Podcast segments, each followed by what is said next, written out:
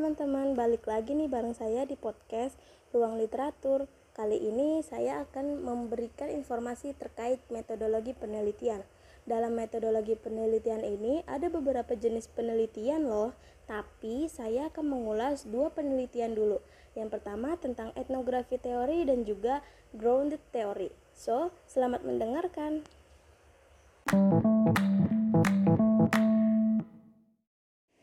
Dalam melakukan sebuah penelitian memanglah hal yang tidak mudah. Kita harus mengetahui masalah apa yang ingin kita teliti, model penelitian apa yang ingin kita pakai, dan teknik seperti apa yang akan kita lakukan.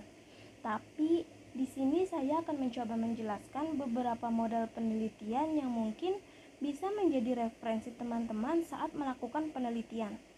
Jadi untuk yang pertama ada etnografi teori. Etnografi ini adalah salah satu model penelitian yang fokus kajiannya kepada antropologi budaya setempat, baik secara kultural maupun struktural. Dalam hal ini, pengambilan budaya tersebut tergantung dengan kebutuhan sang peneliti. Etnografi sendiri memiliki ciri khusus. Yang pertama bersifat holistik integratif, yang di mana penelitian tersebut sifatnya menyeluruh dan terpadu. Dan ada juga tick description. Tick description ini adalah memperdalam apa yang ingin kita teliti. Dan juga yang terakhir, ada analisis kualitatif dalam rangka mendapatkan native point of view.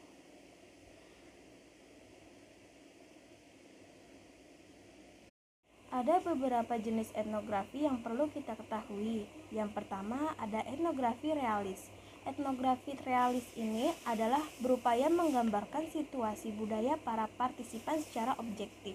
Secara pemaparan pun digunakan menggunakan sudut pandang ketiga atau third point of view. Yang kedua ada studi kasus. Studi kasus dalam etnografi sendiri adalah menganalisis aspek dan pengalaman hidup seseorang untuk menemukan pola-pola dan penyebab tingkah laku. Sifat dari studi kasus ini adalah terbatas dan tidak bersifat generalisasi. Dan yang terakhir ada etnografi kritis.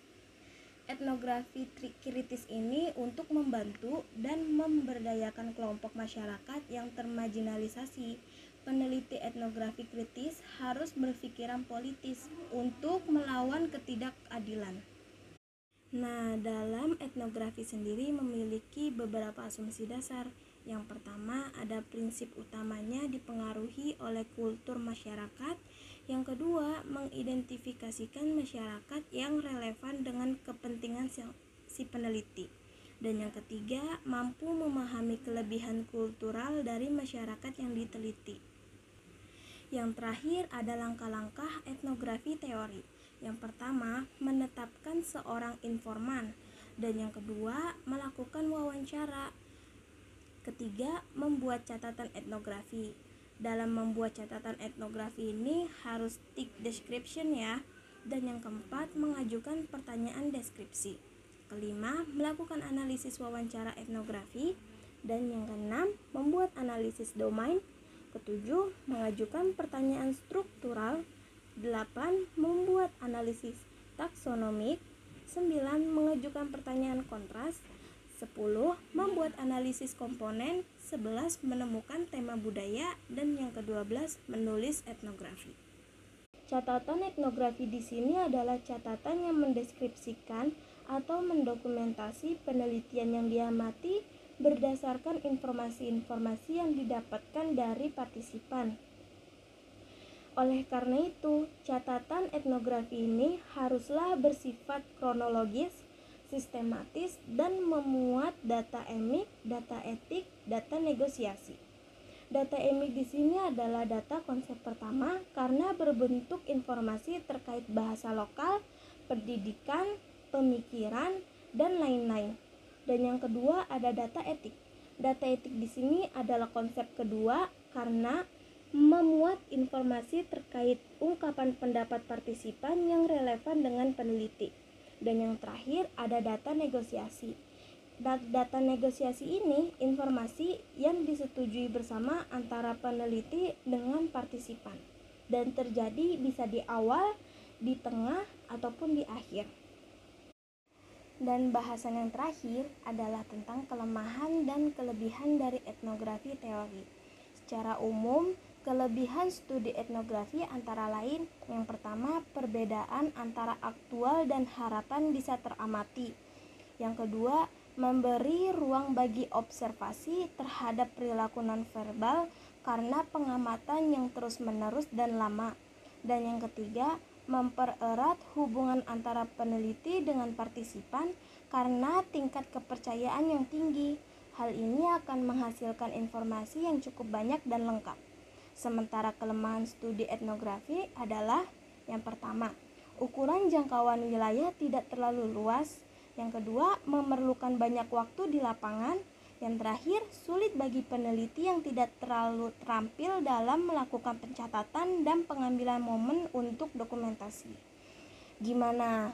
Seru kan untuk model penelitian etnografi ini? Nanti kita lanjut lagi ya ke model penelitian kedua yaitu grounded theory.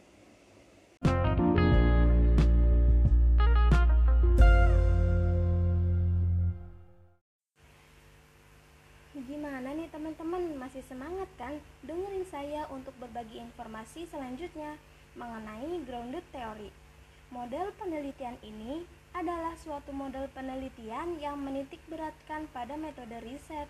Grounded theory ini akan mengembangkan teori tersembunyi dengan mengambil data berdasarkan objek penelitian.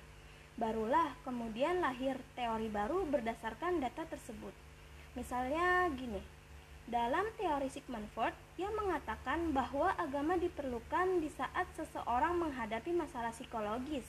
Padahal, jika kita lihat dalam situasi saat ini, agama sangat diperlukan oleh setiap orang, baik yang sehat mental maupun tidak sehat mental. Data tersebut menjadi dasar pembentukan teori. Dengan kata lain, teori berasal dari data di lapangan atau on the ground oleh sebab itulah disebut grounded.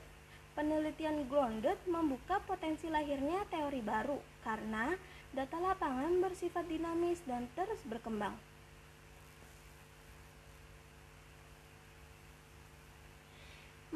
Creswell, tahun 2008 ada enam karakteristik dari penelitian ini loh.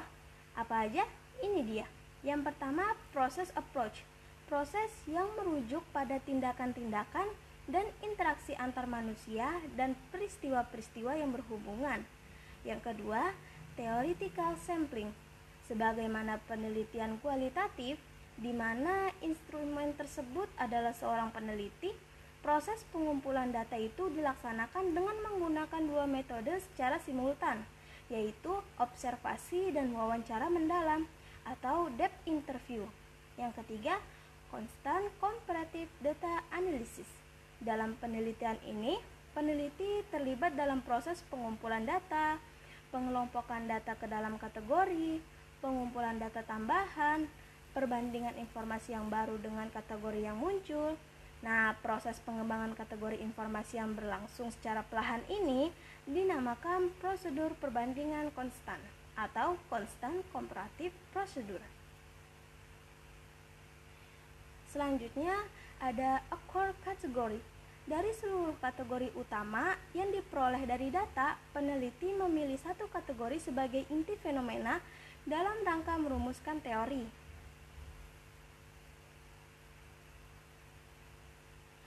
Yang kelima ada teori generation.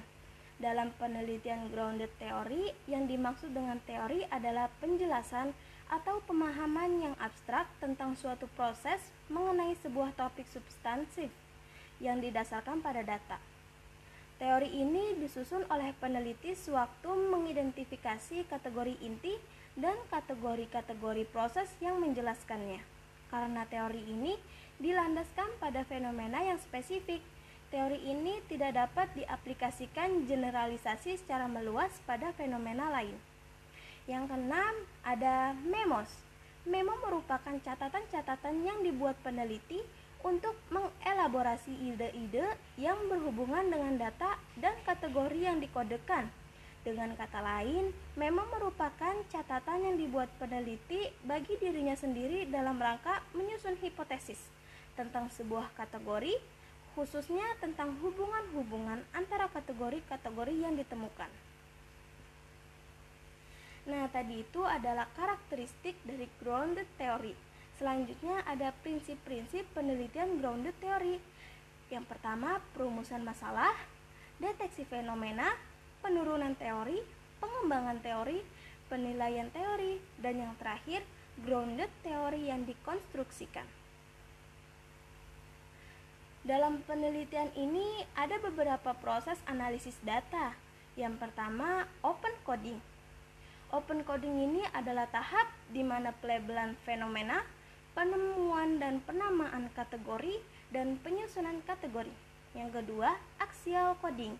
Axial coding ini membuat relevansi antara kategori yang mencakup kondisi, konteks, strategi, aksi, dan konsekuensi. Yang terakhir ada selective coding. Selective coding ini adalah tahap di mana melakukan proses penelitian kategori inti secara sistematis, pengabsahan hubungan antar kategori, mengganti kategori yang perlu diperbaiki, dan dikembangkan lebih lanjut.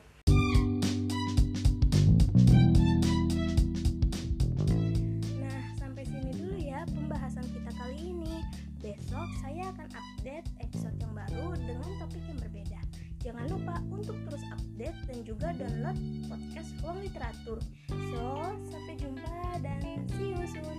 Bye bye.